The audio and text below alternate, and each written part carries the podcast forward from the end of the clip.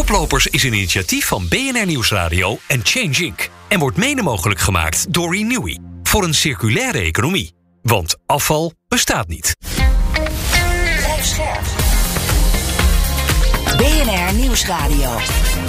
Koplopers. Donatello Piras en Werner Schouten. Dit is Koplopers, het programma over duurzame innovaties... waarvan jij op de hoogte moet zijn.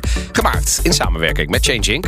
Ik ben Donatello Piras en samen met klimaatexpert Werner Schouten... ga ik geen enkele duurzame uitdaging uit de weg. Met vandaag het nijpende tekort aan technisch geschoold personeel... staat onze klimaattransities in de weg. Wij gaan op zoek naar oplossingen. Kan het kabinet die klus klaren nu er een groot tekort is aan technici... om huizen te isoleren, zonnepanelen te leggen, ik noem maar wat... Uh, maar je moet als werkgever wel creatief zijn. Dus uh, als jij op zoek gaat naar uh, de fulltime technische man... Uh, nou, daar zijn er veel te weinig van, roep ik altijd... dan ga je die niet vinden. Als jullie er niet zijn, dan, dan heb ik inderdaad... Zocht, kan ik helemaal niet douchen, kan nee. ik er niet naartoe rijden in mijn auto... kan ik helemaal niks op een dag. Het tekort van die vakman of vakvrouw natuurlijk in de klimaattransities, daar hebben we het vandaag over. Wil jij nog sneller op de hoogte zijn van wat er allemaal speelt in de wereld van duurzame innovaties? Volg Koplopers dan gratis in jouw favoriete podcast-app. Gewoon doen. Werner, wij gaan naar het klimaatnieuws. Wat is jou opgevallen? Nou, terwijl in uh, Pakistan sommige gebieden werkelijk onleefbaar aan het worden zijn door klimaatverandering, het is daar ongelooflijk heet, heeft de grootste belegger ter wereld, BlackRock, ja aangekondigd dat als aandeelhouder zich minder hard gaat maken voor ambitieuze klimaatplannen. Minder hard? Ja. BlackRock, dat zo'n 10 biljoen dollar aan vermogen beheert, zegt namelijk dat ambitieuze klimaatplannen strijdig zijn met de financiële belangen van aandeelhouders. Oh, ja, wow. ja, ik vind dit best wel onbeschrijfelijk. Dit is dus gewoon nog de realiteit op, uh, op de aandelenmarkt. Uh, CEO's die ambitieus op het gebied van klimaat zijn, worden soms afgedwongen, uh, worden gedwongen af te treden. vraagstukken zoals biodiversiteit en, en, en grondstoffenschaarste worden soms nog totaal genegeerd. Dus we hebben echt nog wel een lange weg te gaan op ja, dit gebied. Terwijl als je gaat kijken naar uh, activistische aandeelhouders bij hele grote bedrijven, zoals bijvoorbeeld bij Shell, maar er zijn natuurlijk heel veel andere voorbeelden, die zijn juist weer die hele andere weg aan het gaan. Dus dit is ook nog een beetje in tegenstelling met de bewegingen ja. bij veel andere grote Ja, we kennen allemaal Mark van, Daal, van Baal van Follow This natuurlijk. Precies. Maar ja, blijkbaar BlackRock, ja. de grote, grootste investeerder... die houdt de boot dus vooralsnog af. Ja. En dat is uh, zonde. Ja, zeker zonde. En het is ook nog niet eens alles wat... Uh, uh, als beer op de weg is. Want je hebt nog meer nieuws. Ja, we gaan het er vandaag natuurlijk over hebben. Arbeidstekorten die de verduurzaming in de weg zitten. We zien het overal. Zo reden NS afgelopen week uh, minder treinen door een tekort aan personeel. En in Japan hebben ze daar nu iets op gevonden. De pijlsnelle Japanse treinen kunnen binnenkort namelijk volledig automatisch rijden. Oh. Dus zonder machinist. En met deze oplossing probeert Japan de krim krimpende beroepsbevolking op te vangen. Daar hebben ze ook last van. Hè? Ja, de, de vergrijzing is daar al uh, uh, volledig aanwezig. Het zou uh, overigens ook bij de tunnel die deze week dicht is gegaan door personeelstekort wel handig zijn. Ja? Had, waren we daar niet van afhankelijk geweest. Automatisering is een ja. belangrijke oplossing ja. voor dit dus.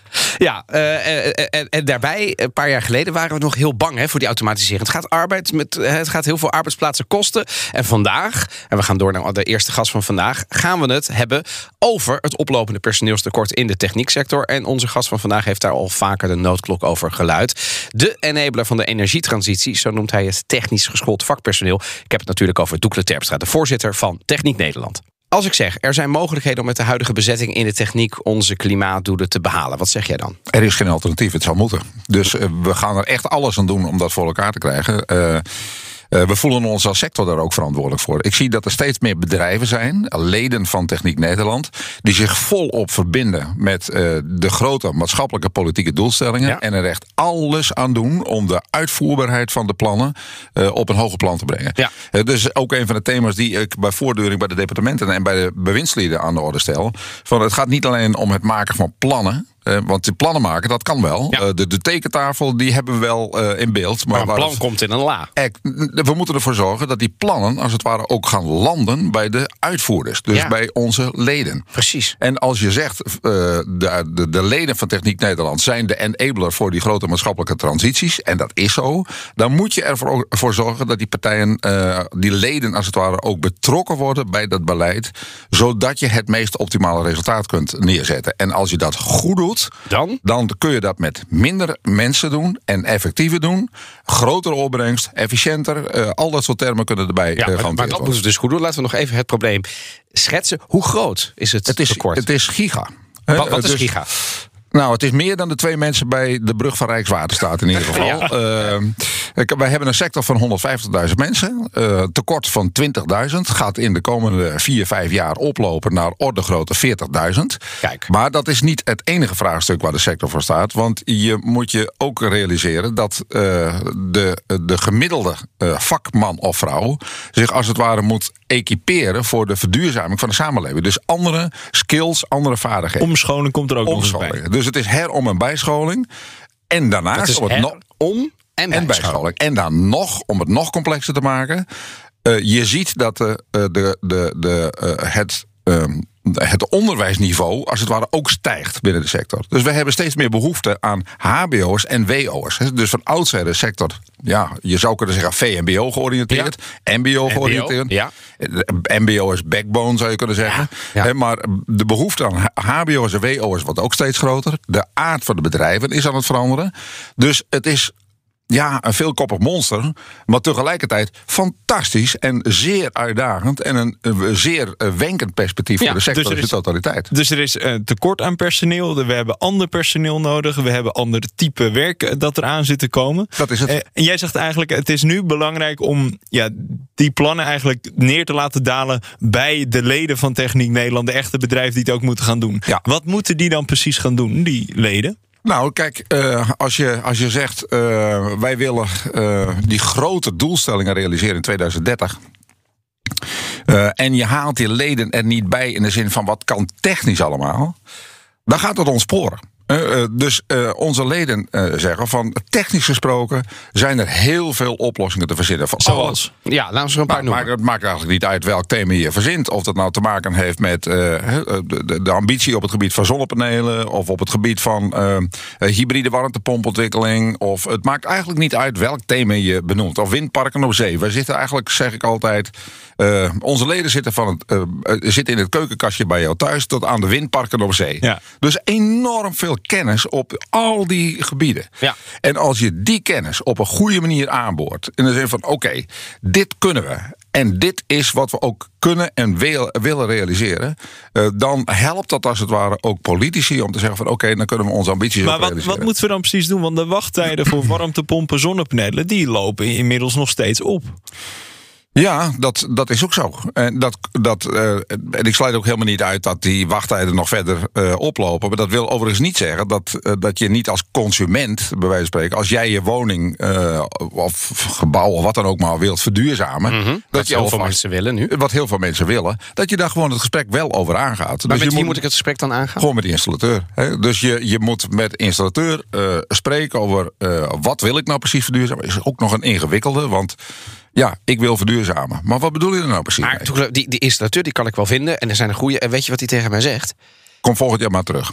Ik zit, er- ik kom om. Ik sprak nog, nog, nog iemand die zonnepanelen legt dit weekend. Ik bedoel, ik, ik- ik- met een prachtige bus vol reclame. Ik zeg, die, die, die reclame heb jij toch niet nodig? Hij zei, nee, Ja. nee ik, ik, ik, ik, heb volgend jaar pas weer plek. Ja. Dat is het probleem. Ja, maar- en hoe kunnen we dat Nee, nu dat is de uitdaging. zetten? Dat is de- Ja, ja, Oké, Ja, nou, dat is goed. uitdaging. Hoe Ja, kunnen we deze ja. uitdaging dan aangaan? Ik bedoel, Nou, door in ieder geval het gesprek met die installateur wel te gaan voeren. Hè? Ja, Want ja. eh, het moet niet tot het gedrag leiden dat je zegt van ja, het kan niet toch niet, het, het kan toch niet, dus ik doe het maar niet. Je- Tuurlijk, we, zou we willen allemaal verduurzamen, maar we willen ook die capaciteit vergroten.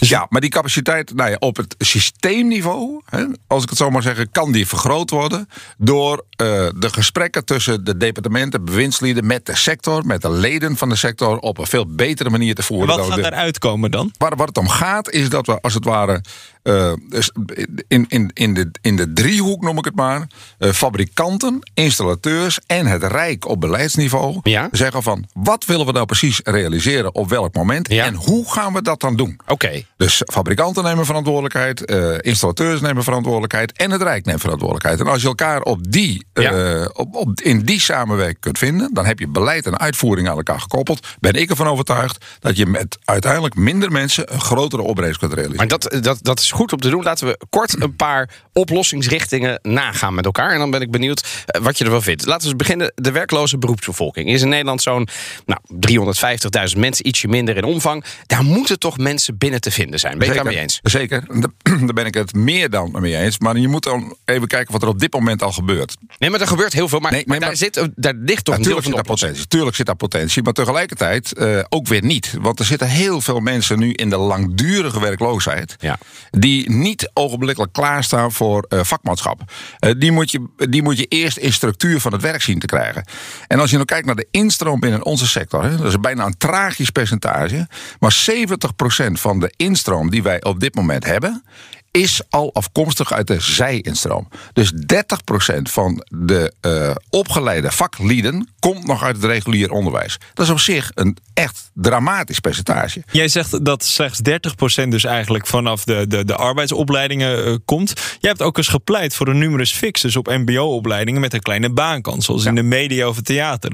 Ja. Leg uit, wat gaat dat opleveren? Nou ja, wij leveren op de, eh, op, we leiden tot op de dag van vandaag veel te veel jonge mensen op voor beroepen die er straks niet meer zullen zijn.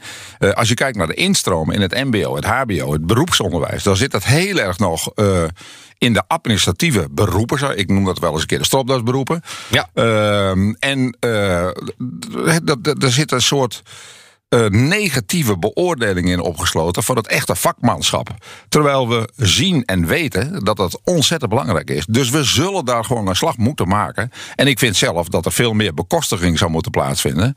eh, overheidsbekostiging zou moeten plaatsvinden. In de richting van. ehm, eh, ja, de, de, de, de sectoren eh, die maatschappelijk heel relevant zijn en waar grote hardnekkige tekorten zitten. Ja. Dus meer geld voor de tekortsectoren.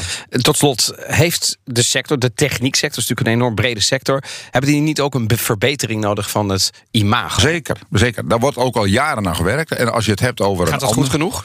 Eh, je je mag het misschien onder een andere noemer eh, neerzetten. Ik vind dat ook de sector verantwoordelijkheid heeft om na te denken over de vraag: wat bedoelen we nou eigenlijk met modern werkgeverschap?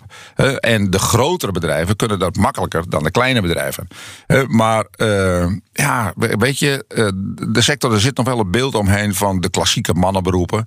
En er zitten ook veel te veel mannen in, in de sector. Ik zou het ook graag meer evenwichtig willen hebben.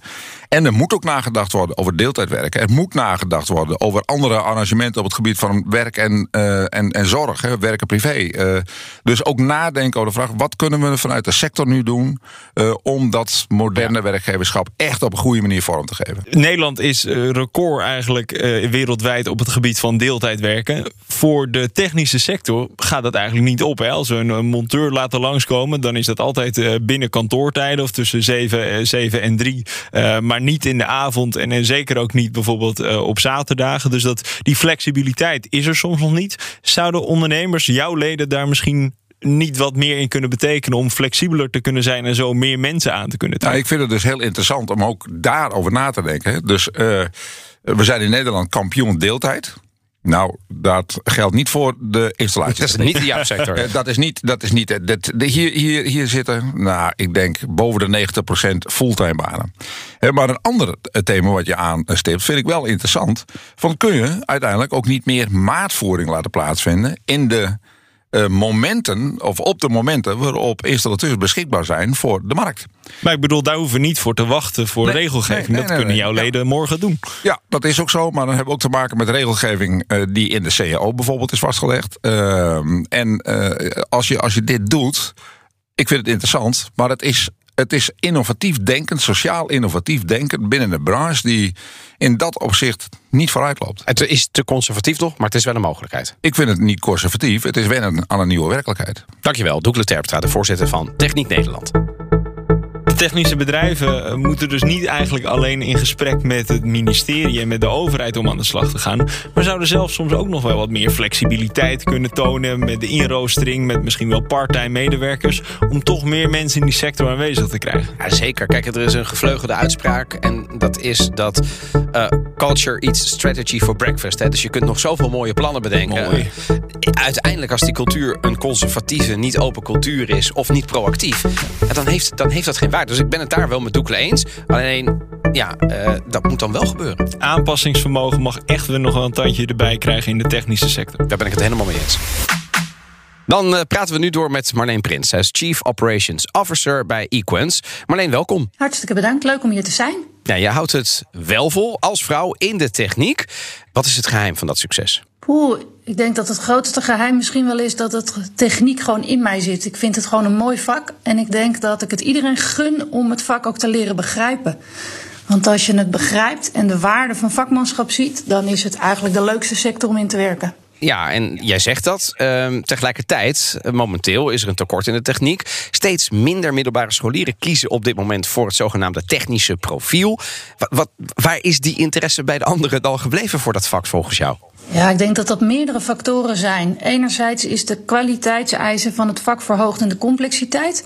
Waardoor het misschien minder makkelijk is om het vak te benoemen en, en te promoten bij de jongeren. Daarnaast denk ik de welvaart, de twee verdieners, de, de luxe om eigenlijk dingen uit te besteden, maakt ook dat je misschien als ouder minder snel knutselt en, en het vak uitvoert. Ik bedoel, uh, toen ik jong was, was ik met mijn ouders aan het behangen en aan het zagen en aan het boren. Ja. En heel eerlijk heb ik mijn kinderen nog geen boor in de handen gedrukt om het te oefenen. Dus daar is ook denk ik een, in de beweging in de maatschappij iets veranderd. Dus de techniek is eigenlijk bij jou met de paplepel ingegoten. Um, maar dat geldt niet voor alle vrouwen. Want in het bijzonder bij vrouwen is de interesse in techniek soms wel ver te zoeken. Jij werkt al jaren in de techniek. Wat zou er in jouw optiek nodig zijn om meer vrouwen werkzaam te krijgen in die techniek voor die energietransitie? Ik denk een aantal dingen. Ik denk dat we, en dat geldt niet alleen misschien in de techniek, maar het gewoon uh, promoten en bespreken met vrouwen hoe zij het zien en wat zij nodig hebben om ergens te werken. We, praten vaak ook over inclusiviteit en, en over verschillen. Maar dat betekent ook in wat zij nodig achten om hun baan te doen. En dat begint eigenlijk al bij hoe word ik opgeleid? Hoe word ik begeleid? Uh, maar misschien ook wel hoe word ik beoordeeld? Dat geldt echt wel anders voor een vrouw dan voor een man waarmee de sfeer van werken in het werk ook anders wordt. Dus ik denk vooral eigenlijk overleggen en praten met elkaar zoeken naar het creëren van een werkomgeving die voor hun aantrekkelijk is. En uh, heb je daar dan ontvang je een luisterend oor als je dit ook voorstelt binnen de sector? Zeker. Ja, dat vind ik wel. Ik zie ook steeds meer vrouwelijke collega's op bestuurlijke rollen, op managementrollen, op projectleidersrollen. En ik zie ook wel steeds meer dat vrouwelijk technisch personeel bereid is om uh, om dat te gaan delen. En niet zozeer om voor de vrouw op te komen, maar wel om het met elkaar meer bespreekbaar te maken om samen te zijn. Ja, nou gaat dat dus de goede kant op. Je bent, zoals al gezegd, mijn Chief Operations Officer bij Equens. Jullie hebben natuurlijk ook te maken met tekorten van technisch personeel, zoals we eerder ook met Doekle Terfstra bespraken. Hoe lossen jullie dit, die problemen op bij Equens? Ja, net als eigenlijk alle andere partijen doe, doe je de, de standaard dingen qua recruitment, qua uh, bureaus, qua, qua zaken. Maar eigenlijk het meest belangrijke voor mij is, is te stoppen te denken in leverancier klantverhouding of opdrachtnemer-opdrachtgever. Wij zijn veel meer bezig met elkaar het gesprek te voeren in de hele keten. Van alle partijen, van klant, van overheid tot installateur, fabrikant. Om te kijken hoe we samen invulling kunnen geven aan wat er nodig is in rollen, middelen en tools. En op die manier eigenlijk de, de krapte die er is, uh, effectief in te zetten en geen doubleurs te hebben in rollen. Oh, dus eigenlijk zo snel mogelijk, zoveel mogelijk personeel aantrekken is niet eigenlijk de silver bullet. Jij ziet dus ook andere oplossingen door gewoon het, het slimmer te organiseren. Ja, wij hebben bijvoorbeeld een heel groot traject met een klant waarvan we hebben besloten, om je een voorbeeld te geven, dat de projectleider, dat is er maar één die werkt voor ons en voor de klant in, in de hele keten. Terwijl vroeger waren wij gewend om de projectorganisaties te spiegelen. En dan heb je alle functies dubbel. Ja, dat is gewoon niet nodig. Dan gaat het over vertrouwen en rapporteren. En dan kun je gewoon het ook met één rol aan. Dus dan had je aan beide, bij beide partijen een projectleider, een werkvoorbereider, et cetera. Ja. Maar dan toch even, hoe, uh, als dat eigenlijk zo, zo'n slimme oplossing is, uh, waarom gebeurt dat dan nog niet breder binnen de sector? Ik, ik denk dat dat aan het groeien is. Ik zie dat steeds meer om me heen. hetzelfde is dat je steeds meer ziet dat het bespreekbaar wordt om de verwachtingen uit te spreken, maar ook de onmogelijkheden die van je gevraagd worden, om na te denken hoe je dat invult. Ik heb bijvoorbeeld bij een netbeheerder uh, nu gesprekken dat mijn medewerkers opgeleid worden bij de netbeheerder. In plaats van dat ik zelf een heel duur traject moet oprichten. Want zij hebben een, een deel van dat traject in huis. Ja, dat zijn dingen die een aantal jaren geleden onbespreekbaar waren en die nu eigenlijk steeds meer vanzelfsprekend worden om te bespreken. Ja, eh, wat we eerder ook al met Douglas Terps over spraken is... Hè, de, de, er is ook zoiets als cultuur. Dat is natuurlijk altijd iets ongrijpbaars... maar die cultuur zorgt er dan wel vaak voor... dat bepaalde nou ja, plannen die we uh, aan de tekentafel bedenken met elkaar... als bestuurders, als, als partners... dat die dan in de praktijk niet echt loskomen. Je hebt bijvoorbeeld dingen zoals openheid in, in een sector nodig. Wat voor cijfer geef jij de openheid in de technieksector? Um, moeilijke vraag. Want dat ligt me aan openheid op wat. De bereidwilligheid is echt wel een 8 of een 9. Bij de openheid zit ook iets moeilijks als tot waar mag je open zijn, omdat je ergens ook een soort van concurrent bent en daar ook regelgeving over hebt. Dus, dus dat maakt het soms wel wat moeilijker. Maar um, ja, ik, ik zie eigenlijk niet in die zin een issue op openheid. Het is meer een issue op creativiteit en snelheid om te durven beslissen om dingen anders te doen. ook met het Rijk en ook met instanties en wetgeving. Ja, sommige uh, issues liggen helemaal niet in de bereidwilligheid. En een van die mogelijkheden, jij zegt het moeten, sommige dingen moeten gewoon anders doen. Een van die mogelijkheden om dingen anders te doen is bijvoorbeeld de normen op basis waarvan personeel wordt aangenomen. Jij hebt het bijvoorbeeld over certificaten voor bijvoorbeeld het aansluiten van zonnepanelen op een meterkast. Dus dat je het eigenlijk versoepelt uh, wat de, de, de normen zijn voordat iemand daadwerkelijk aan de slag mag gaan. Um, is dat een, een, grote oplossing die veel extra mensen uh, gaat opleveren? Nou, misschien niet zozeer extra mensen, maar wel enorm veel flexibiliteit. En het maakt het wel makkelijker om instromers, zij-instromers, sneller ook echt productief te maken en aan de slag te laten gaan, waardoor je ze ook makkelijker behoudt voor de sector.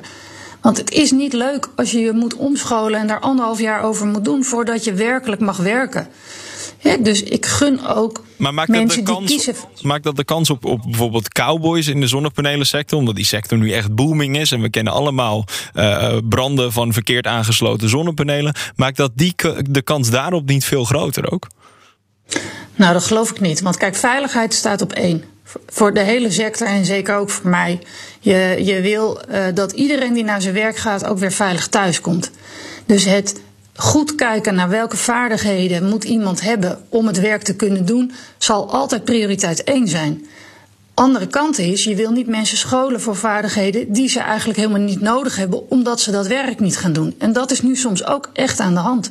Ja, en Marleen, voor de ondernemers die luisteren, en die zijn er natuurlijk. En, net zoals jij kampen met grote moeite om personeel aan het werk te krijgen. Ja, die hopen natuurlijk dan ook nog een soort laatste advies te krijgen. om hun operations efficiënter voor elkaar te krijgen. Wat, wat is het eerste waar ze aan moeten denken, wat jou betreft? Het eerste is leg alles op tafel. maak het bespreekbaar wat je verwachtingen zijn. Maak bespreekbaar welke middelen, mensen, uh, ideeën je hebt. Uh, zodat je samen kan gaan puzzelen. Dankjewel, Marleen Prins. Ja, Werner, wat mij opvalt is als uh, ik Marleen vraag naar de openheid... dan krijg ik een antwoord op bereidwilligheid. En die is heel hoog.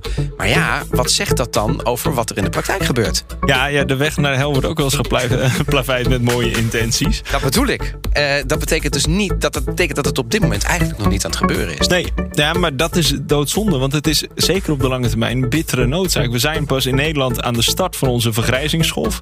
De gemiddelde fulltime medewerker in de technische sector is ook nog eens ja, echt tussen de 40 en de 65. Dus daar gaan we dat nog echt voelen. Dus ja, dit moet pas de start zijn. We moeten veel, een veel openere sector krijgen eigenlijk. Ja, ook omdat de ambitie, namelijk de klimaattransitie, die is levensgroot. En die gaat niet minder worden. Ja, in de podcast uh, praten we nog even door met de stelling die we graag uh, aan jullie even voor willen leggen. Namelijk de volgende stelling die we via LinkedIn hebben opgehaald. Namelijk, we hebben arbeidsmigranten nodig om onze personeelstekorten in de techniek op te lossen. Dat is natuurlijk ontzettend actueel. We hebben uh, recentelijk de arbeidsinspectie die met een rapport kwam die daar eigenlijk tegen adviseerde. Doekle, om met jou te beginnen. Denk jij dat arbeidsmigranten ons uit de nood kunnen helpen? Het lost het niet op. Maar het is wel een bijdrage aan die oplossing. Dus ik sta daar uh, open voor. Uh, ik, ik vind dat wij als Nederland een reputatie hebben. We zijn altijd een heel open land geweest. En op het moment waarop we ehm, een bijdrage kunnen leveren aan het oplossen van maatschappelijke vraagstukken. En tegelijkertijd kunnen we ervoor zorgen dat mensen en een uh, adequate woonvoorziening hebben. Dus het moet allemaal goed geborgd worden. Dus het moet sociaal verantwoord zijn. En niet zoals we dat in de afgelopen jaren in de tuinbouw of in de aspergestekerij of waar dan ook maar hebben meegemaakt. Dat is gewoon. Uh, laat maar even zo uitdrukken, niet sociaal, om het zo maar even uit te komen. Maar als we dat sociale in combinatie kunnen brengen met ook het eh, overdragen van kennis in de richting van mensen die hier hun kennis en vaardigheden op kunnen doen, Ja. doen. Ja, dus ja, mits, zegt Doekle Terpstra, Marleen Prins. Ja, ik sluit me er eigenlijk bij aan. Ik denk dat het hartstikke welkom is ehm, om hun te ontvangen en hun eh, een, een kans te geven in onze sector. En tegelijkertijd, soms zitten er wat onmogelijkheden in waar we creatief over na moeten denken. Ja. Ehm, ik zal een voorbeeld geven, dat is de taal. Deze sector is nog niet zo eh, Engels georiënteerd. En daar moeten we over nadenken hoe we dan zo'n arbeidsmigrant zo makkelijk mogelijk eh, invoegen in een team. Ja, en dat is dan een praktische voor de sector zelf, Marleen. Ik ga nog weer even terug eh, naar jou, Doekle. Kijk, als je gaat kijken naar eh, de, de sector, hè, critici zeggen wel eens... ja, corporate Nederland wil dit wel... maar die houden onvoldoende rekening met allerlei maatschappelijke eh, kanten die er ook aan zitten. Inderdaad, woningtekorten. eh, eh, hebben, we, hebben we, ook binnen de techniek, daar te weinig oog voor? Nou, ik zie dit vraagstuk wel, maar waar het vooral om gaat is: wat willen we nou eigenlijk politiek? Als de politiek zegt van we willen een aantal grote politieke maatschappelijke doelstellingen realiseren in 2030 of whenever. Maar dat niet de, uit. de klimaattransitie moeten we vlot Dat trekken. moet vlot Ja. getrokken worden. Dan vloeien er consequenties uit voort. En we weten dat we het nu niet eh, oplossen, hè, dat probleem van het vakmanschap, met eh, eh, het reguliere onderwijs.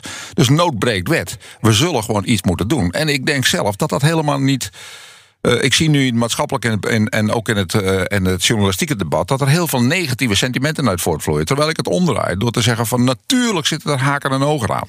En natuurlijk moet je dat op een sociaal verantwoorde manier doen. Maar op het moment waarop je op die manier eh, ook kennis kunt versterken van de mensen die hier komen werken in de branche. What's the problem?